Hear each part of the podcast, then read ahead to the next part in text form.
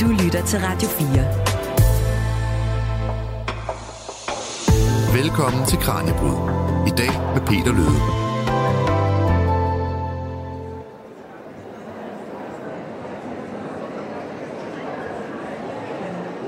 Du lytter til Kranjebrud her på Radio 4. Mit navn er Peter Løde. Vi har været på årets bogforum, hvor vi har talt med nogle af landets førende eksperter og forfatter stjerneskud, der øh, deler ud af deres viden inden for alt fra film, sprog og litteratur til Danmarks underverden og ungdomsliv. Og i dagens program, der skal vi høre to interviews. I det første, der skal vi på en tur tilbage til 90'erne og se nærmere på den transformation, der skete i dansk film på det tidspunkt. En transformation, som min gæst beskriver som et vaskeægte mirakel. I programmets anden halvdel, så er der kaffepause. Sammen med en læge dykker vi nemlig ned i den brune væskes herligheder og søger et svar på, om det egentlig er sundt at drikke så meget kaffe, som vi gør herhjemme. Tak fordi du lytter med. Velkommen til Kranjebrud. Det her er Kranjebrud på Radio 4. Og her i studiet har jeg fået besøg af P. Ole Carlsen, der er filmanmelder og forfatter. Og øh, du er jo på bogforum med din din nye bog, Miraklet, 19, 1996 til 2006, 10 år, der forandrede dansk film. Mm. Jeg kunne godt tænke mig at høre, altså, hvorfor et mirakel? Hvad var det, der skete i de her 10 år? Jeg har kaldt det et mirakel, fordi jeg prøvede at finde det rette udtryk til at beskrive, hvad der var, der skete med dansk film på det tidspunkt. Altså, jeg fandt ud af, at hvis man kaldte det en bølge eller en ny bølge, sådan et, altså en bølge, det er jo ikke sådan noget, der gør indtryk øh, på en, og en eksplosion vil også være forkert. Fordi det, øh, øh, en, en eksplosion vil være sådan et, et, næsten et, det vil lyde som om, det bare var noget, der, der, der dukkede op med brag, og så var det væk igen. Et oprør vil også være forkert, fordi det vil antyde, at, at øh, som jeg skrev i bogen, at, at Lars von Trier havde korsfæstet Bill August, eller altså, havde været sådan en virkelig et forsøg på at smadre det, der lå forud, men der var faktisk mange fra den foregående generation, som, som gik med ind i den her tid. Søren Krav Jacobsen, som jo var veletableret, øh, da, da dansk film øh, kom til midt-90'erne, som jeg skriver om. Øh, han lavede jo en, en, en dogmefilm, og var på den måde med på det nye i dansk film. Anders Reffen, som også var veletableret, var, var med til at lave film sammen med Lars von Trier. Øh, så, så den gamle generation gik med ind i det. Så det eneste udtryk, jeg sådan rigtig kunne finde, der var øh, dækkende, det var mirakel, fordi det var så helt utroligt underligt eller overvældende, at dansk film gik fra op på fars hat og pille roberen til blinkende lygter og Breaking the Waves. Altså, at dansk film blev så meget mere kompleks og vild og udfordrende og ikke mindst risikovillig. Der var nogle mennesker, nogle unge mennesker, som havde lyst til at lave nogle film, som på ingen måde lignede det, der gik forud. Mm. Og de var jo ligesom impulsivt enige om, at nu gør vi bare noget helt andet, end vores vores forældre og bedsteforældre har, har gjort, og hvor i alverden kom det fra? Altså, der, der, der, jeg vil ikke sige, at, at altså nu, mirakel er jo langt hen ad vejen et, et, et religiøst udtryk. Jeg vil ikke sige, at der var en eller anden guddommelighed i det, fordi hvis der var det, så fik Peter Olbæk med sin sprogbrug og sin opførsel jo hurtigt pillet den, øh, den eventuelle øh, religiøsitet, der var omkring det, pillet den hurtigt ned. Øh, men, men på en eller anden måde, det der med, at et lille bitte filmland i løbet af få år kunne blive en verdensbegivenhed, hvor man på Cannes Festivalen faldt i svime, og det var virkelig det, man gjorde over, over dogmefilmene, ja. som man jo samtidig havde grinet af herhjemme. Hvad, hvad i verden er det for noget pjat, Lars von Trier har gang i? Hvorfor skal vi have regler til at lave film? Og der var rigtig mange, der ikke ville være med. Der var mange journalister, der, der, der, der, der, der hånede ideen. Selv på filmskolen var rektor Paul Nesgaard øh, sådan håndelig over for, hvad det er for noget pjat med nogle, nogle regler for at lave film. Det giver jo ikke mening. Og så gå fra den der sådan, øh, øh, ikke kalde det jantelov, det var ikke det, der var tilfældet, men bare sådan en, en, en, en, en, en mangel på forståelse for det, og så inde på, på Cannes Festival mm. nogle år efter med Idioterne og Festen, og hvor en hel en hel, et helt verdensfilmmiljø og en verdenspresse faldt på røven over de her nye film, især Festen. Altså det er jo det er et eller andet sted mirakuløst, synes jeg. Men hvad er det, der sker her i 1996? Hvad er det, der gør, at du har valgt at sætte hvad kan man sige, skæringsdatoen lige der? Øhm, jeg har sat en skæringsdato der, fordi jeg synes bare, det er så dejligt øh, lækkert på en eller anden måde at, at kalde det 10 år. Så ved jeg godt, fra 1996 til 2006 er faktisk ikke 10 år, men 11 år. Men, men, men skidt med det, sådan rent teknisk øh, er det ikke helt heldigt. Øhm, men, men altså, der er jo også, som jeg, også, som jeg gør ud opmærksom på helt i begyndelsen af filmen, også ved, eller i bogen, også ved at vælge Nattevagten som den første film, jeg tager fat i. Den er fra 94. Altså der er, en, der er et indløb til de her år, med især Nattevagten, Ole Borndals gyser fra, fra 1994, mm. som i den grad var en film, der... Som jeg får en to lige om lidt. Ja, men det var det, i, i høj grad en film, da den kom der i 94, som, som væltede folk bagover. Og sådan, der var sådan en generel fornemmelse af, kan man det med dansk mm. film? Øh, og jeg har også Jesper Asholdt, skuespilleren, øh, og Anders Thomas Jensen, øh, fortæller begge to i, i min bog om, hvordan de så filmen sammen med nogle venner, og var sådan helt blown away. Altså, kan, man, kan dansk film virkelig se sådan ud? Og samtidig lavede øh, Lars von Trier Ride, med, med, med Danmarks Radio støtte. Et, et fuldstændig tosset projekt med at, at slippe spøgelser løs på Rigshospitalet. Og øh, legenden siger jo, hvis man kan kalde det en legende, men altså historien om det er, at, at Peter Olbæk og Lars von Trier bare skulle holde et møde med, med DR om, at de havde en, en idé til en, en, en serie, og så ville de her mennesker fra DR vil jo gerne vide, gerne vide, hvad det handlede om, og så skulle Lars von Trier have kigget ud af vinduet på for Satropas kontor på Østerbro øh, i København og have set toppen af, af taget på riget i ude i horisonten og tænkt, vi tager Rigshospitalet og så har nævnt et eller andet med nogle spøgelser, og den var på en eller anden måde gået rent hjem. Men det var en kæmpe satsning mm. på det tidspunkt, fordi Lars von Trier var jo kendt som en, en, øh, en, en, en, en, en sådan en høj kulturel instruktør, der havde lavet rimelig svære film som Europa og Epidemic og Forbrydelsens Element. Og det han nu vil lave en komedie på ride med nogle spøgelser, det, altså, der var ikke nogen, der anede, hvor det ville havne hen. Godt nok havde David Lynch lavet Twin Peaks nogle mm. år forinden, og ligesom kridtet banen op for en helt ny måde at lave serie på, men det er anede ikke, hvad de sagde ja til. Og det, men det virkede, og, og det banede vejen for et nyt filmsprog og en, en ny eventyrlyst øh, i dansk film, som så, som jeg ser det, virkelig for alvor gik i gang i 1996, hvor Niels Arden Oplev lavede Portland om, om et undergrundsmiljø, narkomiljø i Aalborg, og hvor øh, Trier selv lavede Breaking the Waves, som var meget tæt på at vinde en guldpalme i Cannes, som var radikalt anderledes i sit filmsprog. Og så var der så Nicolas Winding Refn med Push og den her actionfilm, øh, med en, skal vi kalde det, menneskelig, en, en menneskelig grundtone fra Vesterbro mm. i København. Altså tre film, som slet ikke lignede noget, vi var vant til at se i dansk film. Og så gik det så, de efterår, efterfølgende år kom uh, Let's Get Lost af Jonas Elmer, som godt nok også var noget helt andet end en sort-hvid film, sort film, der var improviseret frem. Og så kom Festen af Idioterne, så, og så gik det for alvor løs. Ja, fordi nu har vi allerede nævnt en, en del eksempler på forskellige film, der udkom i den her periode. Hvis man skulle nævne nogle hovedværker, der ligesom indkapsler øh, den her tidsperiode på de her 10-11 år, hvad skulle det så være? Altså Breaking Waves kommer man ikke udenom, fordi den, øh, og, og Trier kommer man ikke udenom, fordi han var så, så stærkt et lokomotiv med sin, sin, sin store visioner og sin, sin, altså sin lyst til at bare at gøre alt det, man ikke måtte, eller man ikke var vant til at gøre. Øh, så Breaking the Waves, synes jeg, er helt klart er, er vigtig. Pusher var jo også vigtig på den måde, at den, den åbnede øjnene for, at man kunne bruge sådan et, skal vi kalde det, amerikansk filmsprog. Mange af de her unge filmfolk på det tidspunkt kiggede til, til Taxi Driver og The Godfather, amerikansk film, som en, en inspirationskilde. Også det her med at have, have pistoler med på film, altså som Anders Thomas mm. Jensen mm. fortæller i min bog omkring Blinkende Lygter, at Thomas Winding, der var der var øh, filmkonsulent på det Danske Filminstitut, skrev på et tidspunkt et indlæg i, i, i politikken om, at han absolut ikke ville støtte danske film med pistoler i, fordi det havde ikke noget med den danske virkelighed at gøre. Øhm, og som Anders Thomas Jensen gør opmærksom på, at da Thomas Vending skrev den der, øh, det der debatindlæg, var der lige øh, to mennesker, der var blevet skudt på Aarhus Universitet øh, af en, en, en psykisk ustabil mm. mand. Øhm, så der var altså det passede ikke, det her med, at det ikke var en del af, af den danske virkelighed, og øvrigt kunne det jo sådan set også være lige meget, fordi film behøver jo ikke sådan en til en forholde sig til en, en, en virkelighed. Men der var en, en lyst til at bruge øh, amerikansk films virkemidler i dansk film, og det var Push jo med til at bane vejen for, og så kom Blinkende Lygter så en, en, en 3-4 år senere, gik videre med den, og der kom jo mange flere film skrevet af Anders Thomas Jensen, i Kina spiser de hunde øh, og så videre, som, som øh, brugte ja, pistoler mm. til at fortælle en god historie med.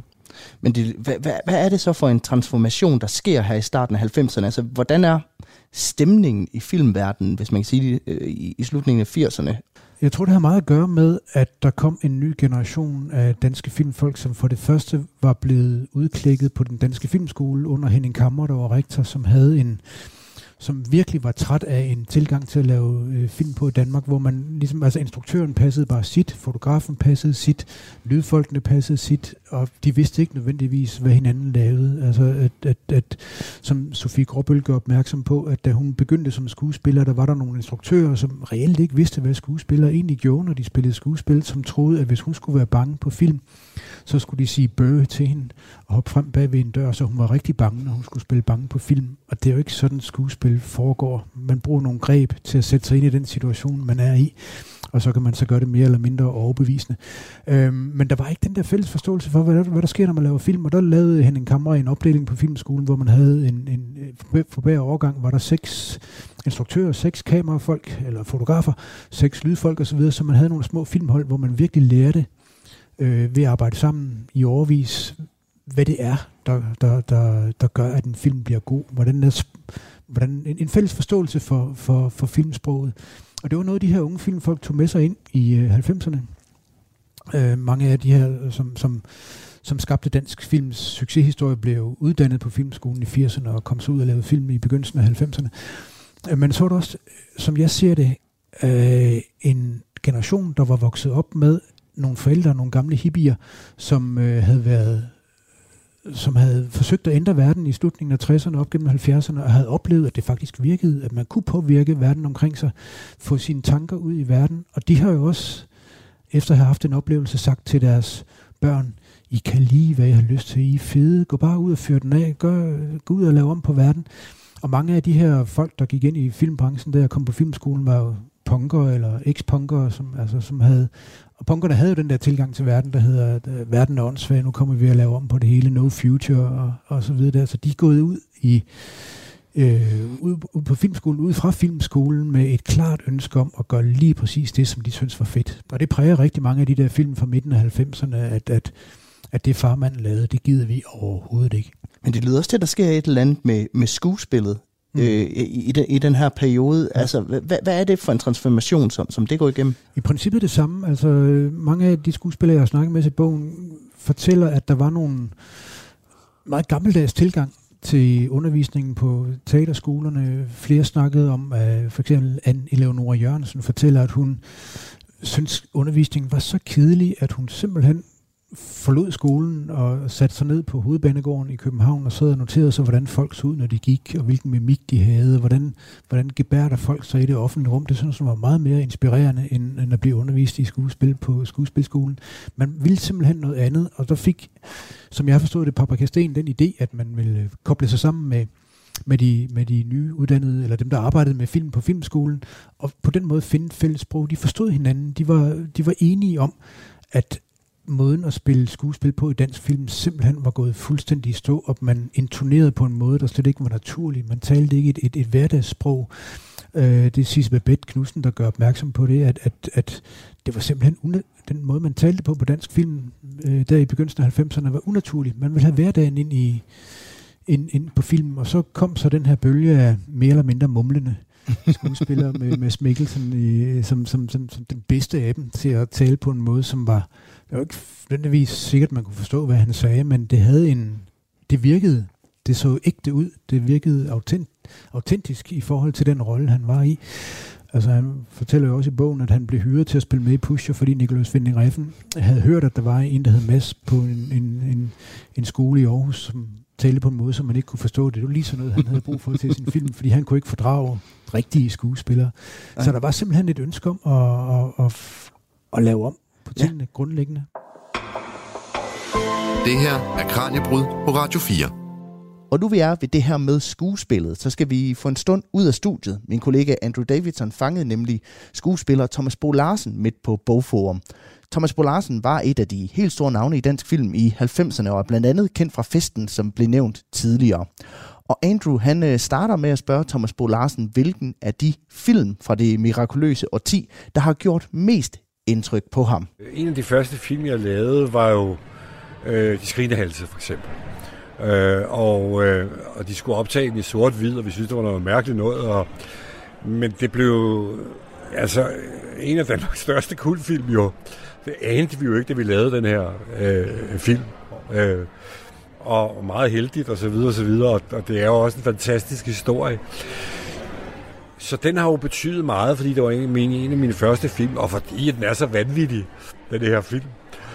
Men samtidig må jeg jo også, kan jeg jo ikke undgå at, at nævne festen, som vi lavede i vores sommerferie for sjov.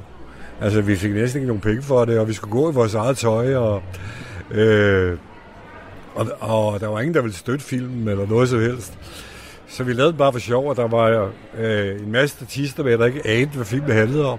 Så fik et chok, da Ulrik Thomsen rejser sig op og, og fortæller, at han er blevet voldtaget af sin far. Øh, så kan man selv forestille sig det billede ind i hovedet på statisterne.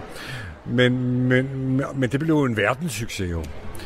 Så jeg kan ikke sådan nævne enkelstående tilfælde af, hvad der prægede mig mest, eller fordi de skrigende halse og, og festen og øh, bliver jo set den dag i dag også. Øh, det er jo helt fantastisk. Er, er det underligt, at film, du har lavet for så mange år siden, og du har jo gennemgået så mange forandringer, kan man sige, at de stadigvæk bliver hævet frem, og folk øh, tænker på de roller, når de tænker på dig? Øh, ja, men, men, men det er jo også dejligt, fordi hver gang folk kommer hen og siger for eksempel med festen, eller skrigende halse, eller hvad, hvad det er for en film, så, så får jeg jo altid et lille minde tilbage fra da vi lavede de her film, og, og lige var kommet ud af skuespillerskolen og så videre, og så videre, og ikke vidste, hvad filmbranchen overhovedet, hvad det var, og hvad der var i den, og, øh, og for eksempel med festen, som ramte jo hele verden, øh, øh, kom virkelig bag på os, og, og, og, og vi kom til Cannes Film Festivalen, hvor vi hang over det hele. Øh, det var en stor overraskelse.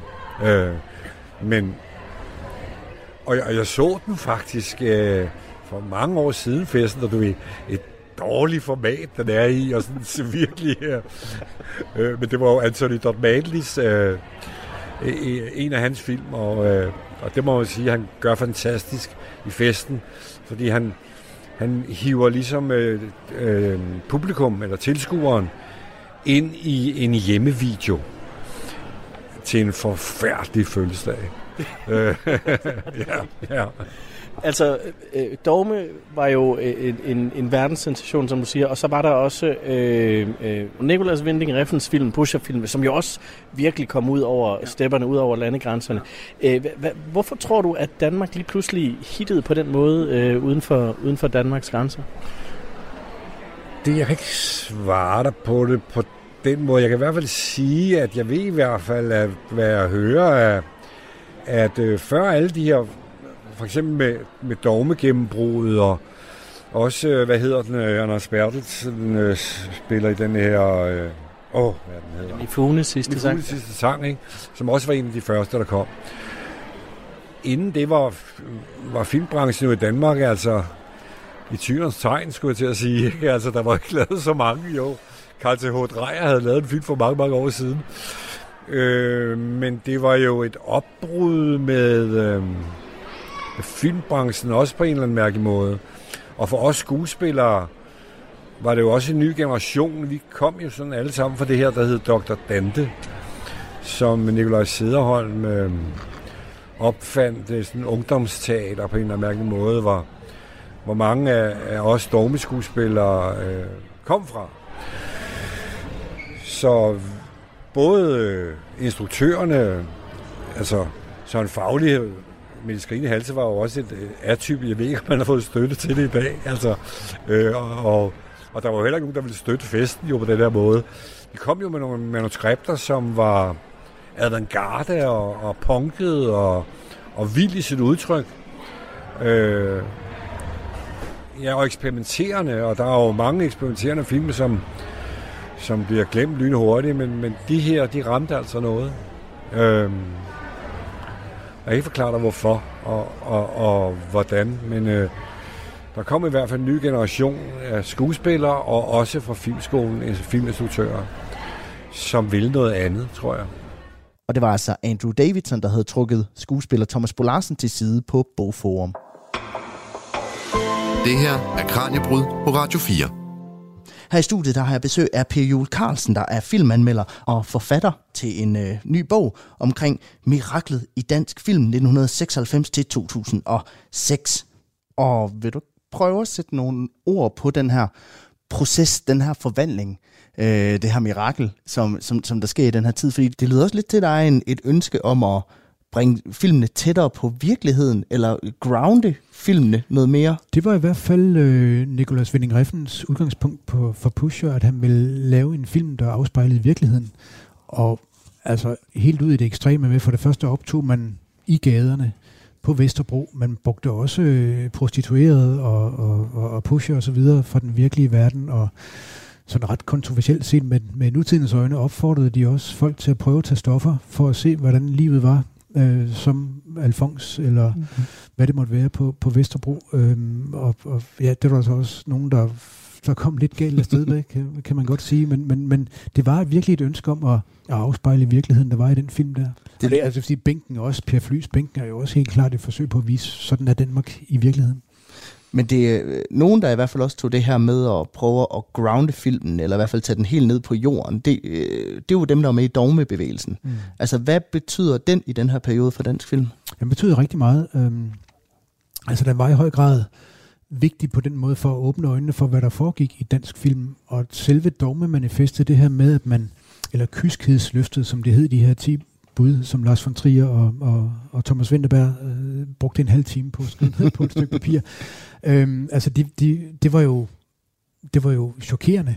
Altså, franskmændene havde lavet noget mere eller mindre tilsvarende i, tilbage i 60'erne, øh, med det, de, man kalder den franske nybølge. Men her kom der altså en, en, en, en ekscentriker, en tosse som Lars von Trier fra Danmark, og nedfældede 10 regler for, hvordan man måtte lave film, og det var vel at mærke nogle regler, som var, du må ikke. Altså det var sådan meget, man må ikke gøre sådan og sådan. Det, det, det så ud som om, det virkelig var svært overhovedet at, at, at, at, at kunne lave film ud for de der regler der. Men det vagte så meget opmærksomhed, da Idioterne og Festen kom til, til Cannes. Øh, nok især fordi, at, at Festen var så god en film, som det var. Idioterne er, det er også en god film, men det er en film, hvor man tænker, altså, hvad er det?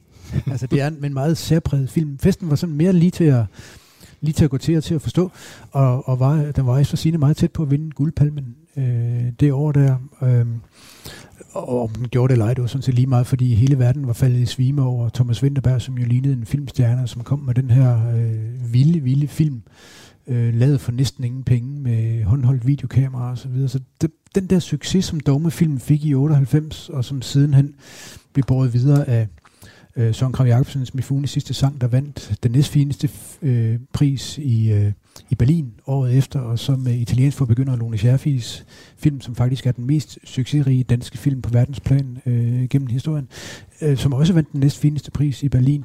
Altså der var dogmetoget virkelig i gang med at køre, og så blev der lavet jeg kan ikke huske, hvor mange dogmefilm det var, der blev lavet på verdensplan. Øh, men det var, som jeg husker det, tæt på 100, hvis ikke det var over 100. Der var en enorm interesse for det. Mm. Øhm, store instruktører som Steven Spielberg, Martin Scorsese og, og, og Ingmar Bergman blev tilbudt at lave dogmefilm, men sagde pænt nej tak. Altså det var helt op på, det var helt op på toppen af, af filmisk verdensniveau. Så, så i den her periode så, kommer der også en kæmpe interesse, altså international interesse for mm. dansk film, mm. som man ikke har set før? Helt sikkert, og som har man oplevede jo også, at danske filmfolk, som kom fra den danske filmskole, øh, som var hyperambitiøs under Mogens Kammer, så ikke Mogens Kammer, Henning Kammer, hans lillebror, øh, øh, den var hyperambitiøs, men der, håndværket skulle virkelig være i orden, så man opdagede jo også, at danske filmfolk var dygtige. Øh, så, så dogmefilmen og de her film i de her år var også med til at, at bringe dansk, danske filmfolk ud i verden, og, og, og det er sådan set en, en situation, vi har stadigvæk, hvor danske filmfolk er efterspurgte, fordi håndværket er i orden. Men hvad så med, en ting er at få, få international anerkendelse at vinde guldpalmer og Oscars og alt muligt, men altså, er det noget, vi får de succes herhjemme også? Altså, hvad gør det ved interessen for dansk film herhjemme? Ja, altså det er, det er mærkeligt at tænke tilbage på. Øhm, mediemæssigt var der jo en, en, en vanvittig interesse for dansk film dengang. Altså, jeg har et helt kapitel, der beskriver, hvordan, hvordan danske journalister, da de netop så interessen for for Festen Idioterne i, i Cannes i 1998 blev fuldstændig revet med. Øhm, da Danserne the Dark, Lars von Triers film, så vinder en guldpalme i 2000, der fortæller Hans Jørgen Møller fra Politikken mig, at han, han fik et opkald øh, derhjemme fra Politikken, der hed Skriv, drenge, skriv. Vi trykker alt, hvad I skriver.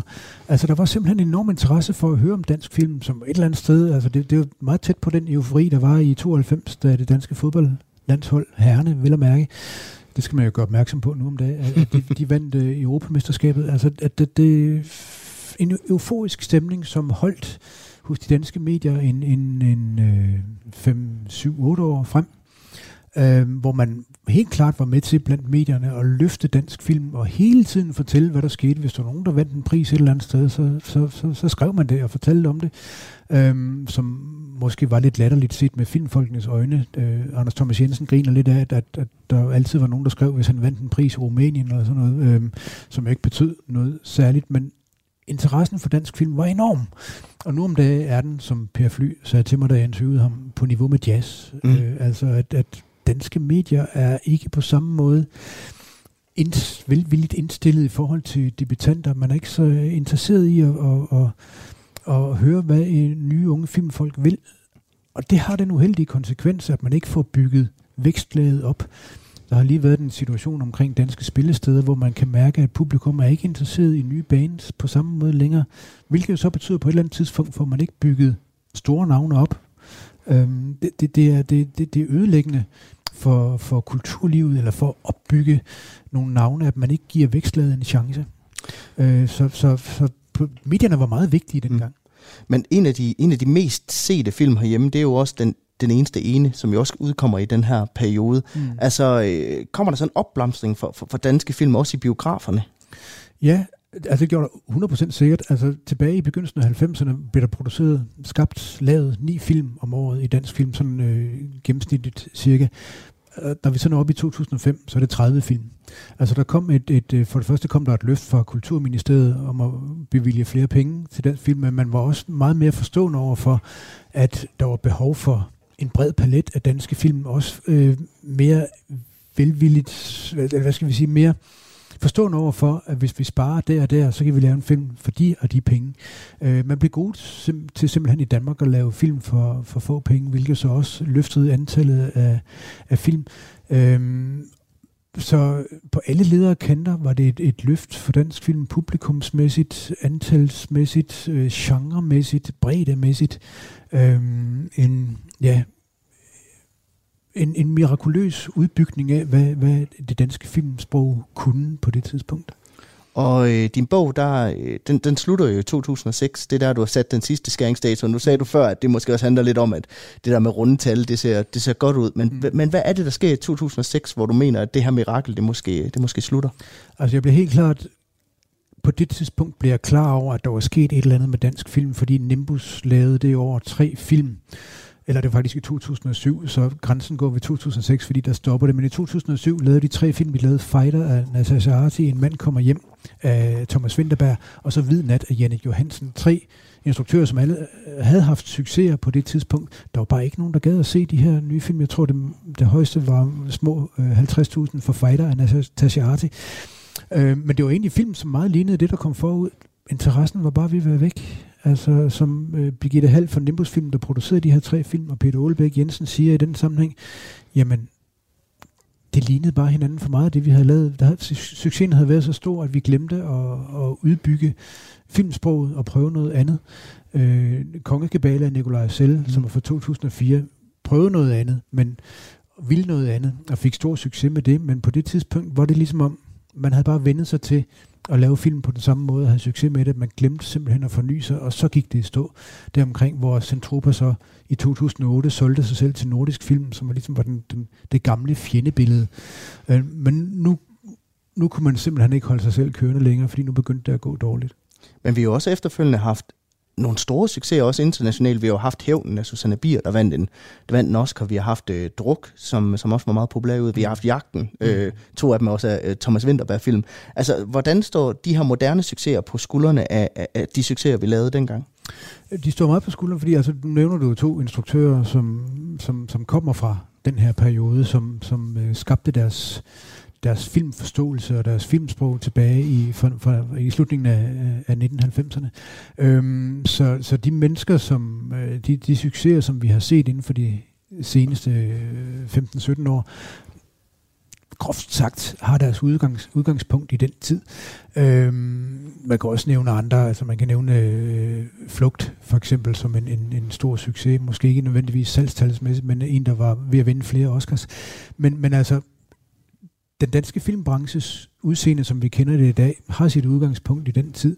Og der bliver stadigvæk lavet masser af, af, af glimrende film. Jeg kan godt savne en større vildskab. Jeg kan savne en lyst til at gøre oprør mod det bestående i vores dage. Og jeg er sådan set ikke i tvivl om, at det kommer på et eller andet tidspunkt, fordi streamingtjenesterne har så meget magt over, hvad der bliver skabt nu om det er, det er på tid øh, og, og, og få gjort et eller andet ved det.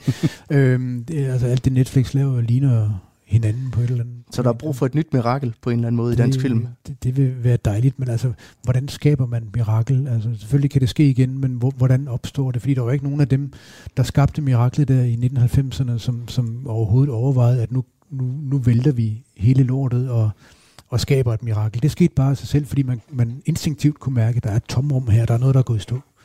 Per Jule Carlsen, filmanmelder og forfatter til bogen Miraklet 1996-2006, 10 år, der forandrede dansk film. Tusind tak, fordi du har lyst til at komme forbi. Ja, tak, fordi I måtte komme. Du lytter til Kranjebrud på Radio 4. I Kranjebrud-studiet her på Bogforum har jeg besøg af Kjell Hermansen, der er kaffetørstig læger, som i mange år har beskæftiget sig med kaffe og ernæring. Og så er du også forfatter til bogen Kaffe, der er en del af serien Tænkepauser, og som du altså er her på, på Bogforum med. Velkommen til. Tak for det. Det kan være, du skal starte med at fortælle lidt om, Kjell, hvordan du selv har forsket i effekterne af kaffe. Jamen, det kan jeg godt. Øh, jeg har hvad hedder det, jeg har været med til at skrive en rapport fra Vidensråd for Forebyggelse. Ja. Og øh, der fik jeg så fokus på kaffe. Og så i min forskningsgruppe på Aarhus Universitetshospital gik vi i gang med at, at prøve ligesom at kigge på noget af det, vi har, eller mener vi har interesse for at forstand på, nemlig type 2 diabetes. Ja. Og øh, der er det sådan, at der var nogle svenske øh, øh, resultater fra, øh, som viser, at øh, folk, der indtager kaffe sammenlignet med dem, der ikke indtager det, at der er der en øh, 29 procent lavere risiko for at få type 2 diabetes sammenlignet med dem, der ikke drikker kaffe. Ja. Og det gælder både kaffe med og kaffe uden koffein. Så vi gik hjem i laboratoriet og fandt øh, øh, de forskellige pipetter og øh, ting og sager frem, og øh, lavede en række dyreforsøg øh, først, og der fandt vi ud af, at øh, der var et øh, stof i øh, kaffe, som var mere effektivt end andre. Mm. Og det er sådan, i kaffe er der cirka 100 såkaldte bioaktive stoffer, det vil sige stoffer, som har en virkning på vores øh, funktioner. Ja. Øh, så det var jo en umulig opgave at skulle til at sidde og øh, teste dem i forskellige kombinationer. Det er men lidt et puslespil. Det var noget af et puslespil, men vi startede med at lave nogle rotteforsøg med rotter, der havde forstadier til øh, diabetes, og så gav vi dem i tre grupper vand, øh, almindelig kaffe, øh, filterkaffe, og så gav vi dem en blanding af nogle af de stoffer, noget der hedder polyfenol, ligniner og kaffesyre. Mm. Og der kunne vi se, at dem, der fik kaffe, øh, de fik øh, det sukkersyremæssigt bedre, deres vægt faldt, de fik mindre fedt i leveren, og blodsukkeret øh, tenderede også til at falde. Hvorimod de der tre stoffer, vi havde undersøgt, overhovedet ikke havde nogen virkning. Nej. Øh, så puttede vi et ekstra stof i, noget der hedder kaffestol, øh, som også indgår i kaffe. Ja. Og da vi så havde gjort det, så lavede vi forsøg på nogle celler, og muskelceller øh, fra mennesker, og der viste det sig, at øh, muskelcellerne blev bedre til at optage sukker, glukose. Øh, det var sådan, at insulinproduktionen i rotter blev bedre. Det var, øh, så gik vi videre med nogle specielle mus, KKAY-mus, som har udviklet diabetes, og gav også dem ingenting eller lav dosis kaffestol eller meget. Og øh, dem, der fik øh, meget, der var det sådan, at insulinfølsomheden blev bedre, øh, leveren fik mindre fedtindhold, og øh, blodsukkeret faldt. Så lige præcis nogle af de ting, vi var gik efter. Ja. Og det fik vi så publiceret, og øh, det øh, vandt igennem, og det kom i Time Magazine, som er jo sådan en global øh, nyheds... Øh, Et stort anerkendt magasin. Ja, og der skrev de så om de her Aarhus-læger, som nu havde fundet i hvert fald en af forklaringerne på, hvorfor kaffedrikkere ikke så let fik øh, diabetes. Ja. Og det var et stof, kaffestol, som ligesom havde gjort det. Og det øh, vi var vi jo vældig stolte af, Mm. øh, og øh, gik og smilede og var glade for, indtil der nogle få dage efter ramlede nogle artikler fra BT og Ekstrabladet ind, som øh, fortalte om svindel med forskningsmidler i millionklassen i København blandt nogle hjertelæger, øh, som havde brugt pengene til at, at købe vin og spiritus og holde fester og tage på fisketure, købe øh, designermøbler. Ja. Øh, og det gjorde selvfølgelig, at øh, Rigsrevisionen de kastede sig over det der, øh, hvordan forholder det sig lige andre steder end på Rigshospitalet, øh, og spurgte rundt i regionerne, øh, bad dem om at udrede, om der var noget revisionsmæssigt der, som ikke var så godt. Ja, og der kunne de jo se, at der var en, en, en udgift hos dig på caféstol. Var det Ja. ikke sådan? Det var sådan, så jeg fik ind af indbakken i min e-mail, der fik jeg fra regionens revision, at øh, Rigsrevisionen havde bedt dem om, at jeg skulle ligesom redegøre for, hvad jeg skulle bruge de der caféstole til. Og jeg kunne jo se, nej, det var forfærdeligt. Altså, nu står der overlæge fra Aarhus, øh, som øh, har fyldt sit sommerhus med caféstole, indtil der gik en pros op for mig. Nå, det var jo ikke caféstole, det var jo kaffestol, vi havde købt. For det staves på præcis samme måde. Det er nøjagtigt samme måde, ja. Og det skrev jeg selvfølgelig tilbage til revisionen, og hørte aldrig noget siden. Og der, øh, i din bog her, der øh, dykker du selvfølgelig både ned i, hvad kan man sige, de, de sundhedsmæssige øh, øh, effekter af, af kaffe, men du dykker også ned i den mere kulturhistoriske baggrund for, for Yes. kaffe herhjemme. Ja, Det kan være, at vi skal prøve at zoome lidt ind på det og se på, hvordan kaffe egentlig kom til Danmark i første omgang. ja. Jamen det første, man hører til kaffe i Danmark, det er faktisk en brevveksling mellem en læge, Thomas Bartolin, Mm. øh, og en af hans udenlandske venner. Øh, og der skriver Thomas Bartolin, at øh, der er kommet kaffe til København. Øh, kaffe øh, betragter man lidt som medicin, og det er sådan, at øh, hvis man indtager kaffe, så bliver man mere madlysten og bliver overvågen. Så det var egentlig, øh, hvad skal man sige, det første, hvor man egentlig hørte om det. Øh, og grunden til det måske heller ikke fik så hurtigt en, en, en vej i Danmark, det var, at vores kolonier, øh, Dansk Vestindien og øh, Guldkysten i Afrika, at der havde man ikke lykkedes med at kunne dyrke kaffe. Så alt kaffe, man skulle have, det var importeret. Mm. Øh, så det blev sådan lidt en, øh, øh, et middels, eller en, en drik, som øh, folk meget gerne pralede med, at nu havde de også smagt kaffe, fordi det var ligesom det linkede dem til kongehuset, adelen, hoffet og de velbjergede, øh, at øh, her havde de også smagt kaffe. Ja. Øh, og man kan sige, der det bredte sig så meget, så der blev en stor import af kaffe. Det var noget, der var dyrt, øh, for sagt. Som sagt, så var det ikke noget, vi selv i vores kolonier kunne producere. Så øh, det endte med, at øh, den enevældige kong Christian den 7. han lavede en øh, øh, lov omkring overdådigheds indskrænkning i bundestanden. Og det sagt på dansk, så betyder det, at bønderne, de blev simpelthen, de fik at vide, nu er det ingen kaffe, ingen vin og ingen klæder, som skulle importeres. Ja. Øh, kongens begrundelse, det var, at han ville ikke kaste bønderne ud i øh, økonomisk uføre.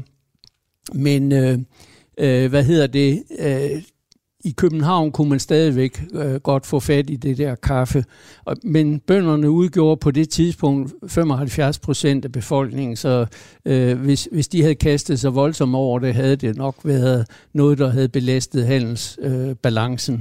Så det har været et politisk middel, kaffe på en eller anden måde Det også. var et politisk middel, og det var sådan, kongen, dem, altså hans proselytter og dem, øh, han omgav sig med, de fik lov til at fortsætte, men øh, dem, der øh, boede i, i Jylland og tilhørte bundstanden, der blev der lavet forbud. Så os to fra Aarhus, der, øh, der nok drikker meget kaffe til daglig, vi måtte øh, leve uden Ja, dengang. ja, jeg må sige, jeg var, jeg var rystet, da jeg havde læst det her, og det var jo en forordning, der blev indført 1783, og faktisk varede til 1799. Øh, og grunden til, at den blev ophævet, det var, at øh, i stavnsbåndets ophævelse i 1788, hoveriet blev også skrottet, så øh, kongen havde ikke længere magt til at, at, at skride ind for de der selvejende bønder øh, kaffeløster. Men det er jo også noget med, at senere hen, så bliver kaffe også et lidt andet form for politisk middel, fordi det bliver også et værktøj i kampen mod øldrikkeri og, og, og, og drukvanerne i, i, i det hele taget. Er det ikke rigtigt? Jo, det er rigtigt, og det var især øldrikkeriet på de store øh, industrivirksomheder, for eksempel Burmester og Wayne, og der var det virkelig et stort øh, problem socialt, at mændene de øh, drak øh, pengene op og var blevet beruset og så videre. Og der blev der så etableret i starten af 1900-tallet øh, Københavns kvinders kaffevogne, Ja. øh, som sådan et social måde at komme øldrikkeriet til livs på. Øh, de her kvinder, de kørte med skrumlende vogne ud over brostenene og så ud på de store arbejdspladser, blandt andet Burmester Wayne, hvor de stillede op, og så kunne folk købe kaffe, og hvis der var arbejdsløse, så fik de det faktisk gratis. Øh, og det blev ved øh, i 1935, der udleverede man 200.000 øh, gratis kaffebonger til de arbejdsløse, og man havde 34 vogne, man kørte rundt i København med. Øh, og der er øh, en af de første, som ligesom siger, at kaffe det er et godt middel imod øh, for meget luttendrank, likør og vin, øh, som var det, man drak på Ludvig Holbergs tid. Og han beskriver det i sin komedie Barselstuen, hvordan de kvinderne, når de har været på for eksempel op til 10 visitter og har fået noget at drikke med alkohol i de der 10 steder, så kom de hjem og var øh, overridslet, beruset og kunne ikke øh, rigtig øh, foretage sig noget.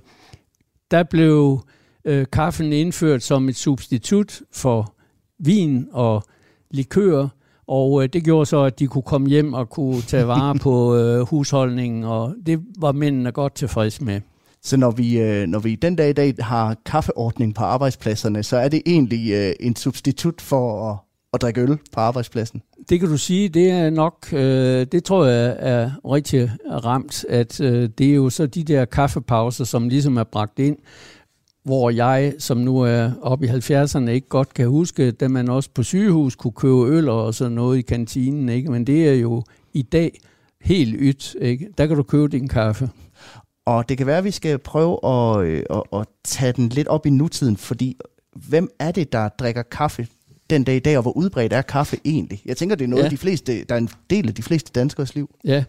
Øh, DTU, Danmarks Tekniske Universitet, har lavet en undersøgelse, som kiggede på det øh, mellem 2000 og 2008. Og der fandt man, at 86 procent af voksne mænd og 76 procent af voksne kvinder øh, er kaffedrikkere. Og øh, det er sådan, at kaffedrikkeriet, det varierer også hen over årene. Mm. Øh, de yngre års øh, gange, de drak ikke så meget kaffe. Det største forbrug, det havde man mellem 45 og 65 år. Og der var det sådan, at mænd i snit drak 4,7, og kvinderne øh, 3,5 kopper kaffe dagligt. Ja. Øh, og så mændene drikker i gennemsnit en, i hvert fald en kop mere. Det var også sådan, at uddannelsen influerede. Hvis man kun havde grundskole, så drak man mere kaffe end de højt uddannede. Cirka en øh, kvart kop kaffe mere i gennemsnit. Hvad er det så for en kaffe, vi, øh, vi foretrækker? Altså, hvad er det for en kaffe, der, der, der kommer i koppen herhjemme? Jamen, ved fra 2011, der er der lavet sådan en opgørelse over et større antal øh, folk, hvor man har set på, hvordan, hvad er det for en kaffe, øh, man foretrækker. Og der er det sådan, at 38 procent, de foretrækker filterkaffe. 28 procent, de foretrækker det, der hedder instant kaffe. Det mange kalder næstkaffe. Ja. I Sverige kalder man det snapkaffe, som jeg synes er et fint udtryk. øh, 19 procent, øh, de foretrækker stempelkaffe. 13 procent foretrækker mokka, nej, hvad hedder det, espresso kaffe, og så er der et par procent mere til kogekaffe og andet. Det her er Kranjebrud på Radio 4. Og måske skal jeg lige genopfriske for lytterne. Min gæst er Kjell Hermansen, der er læge og i mange år har beskæftiget sig med kaffe og ernæring. Og så er han også forfatter til bogen Kaffe, der er en del af serien Tænkepauser. Og øh, som du er her på Bogforum med i, i den her weekend.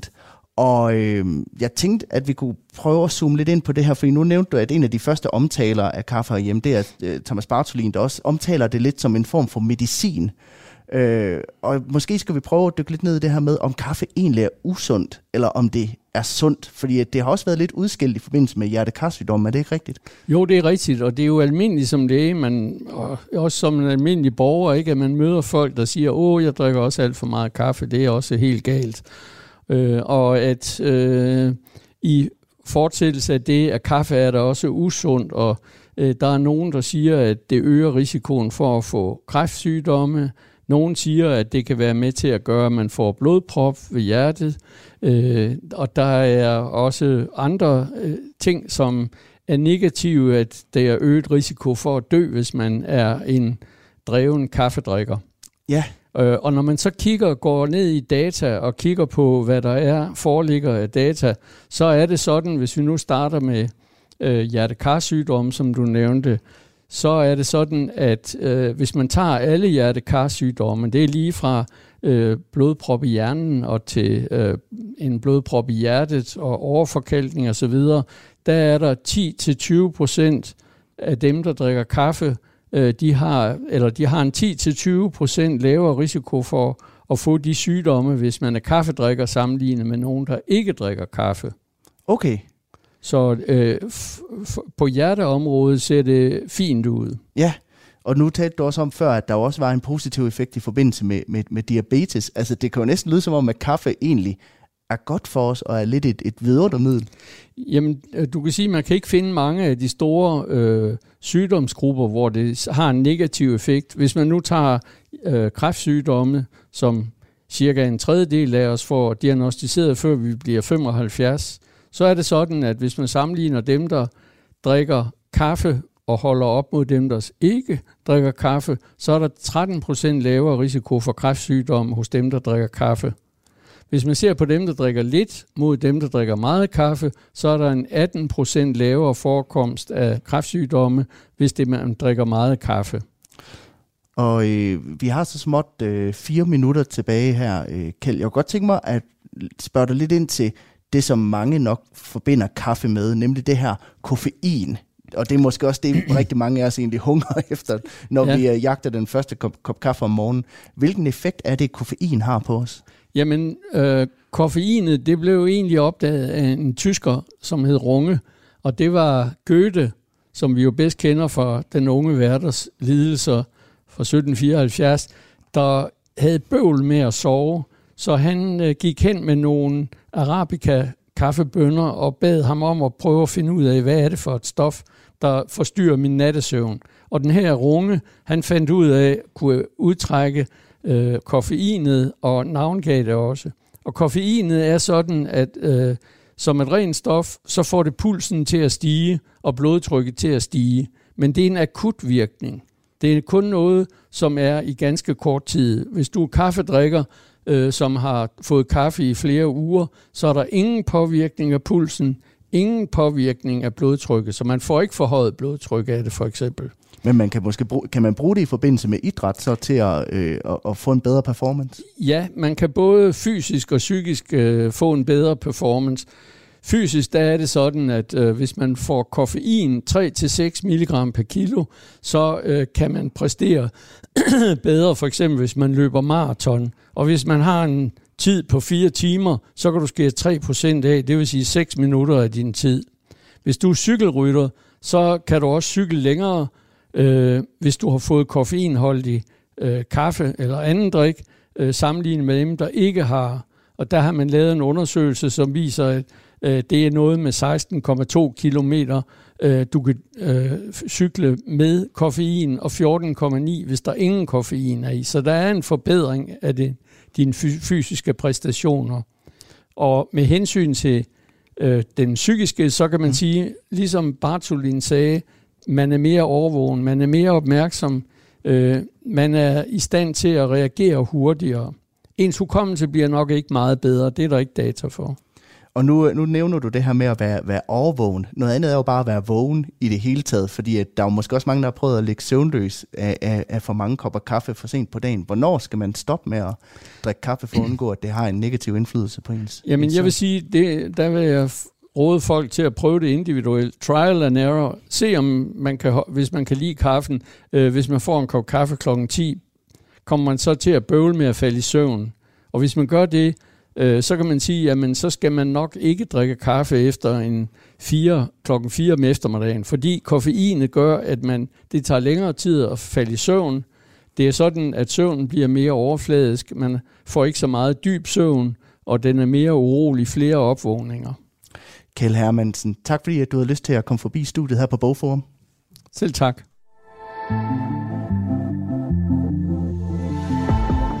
Du lytter til Kranjebrud på Radio 4. Således takker vi af for dagens udsendelse af Kranjebrud her fra Bogforum.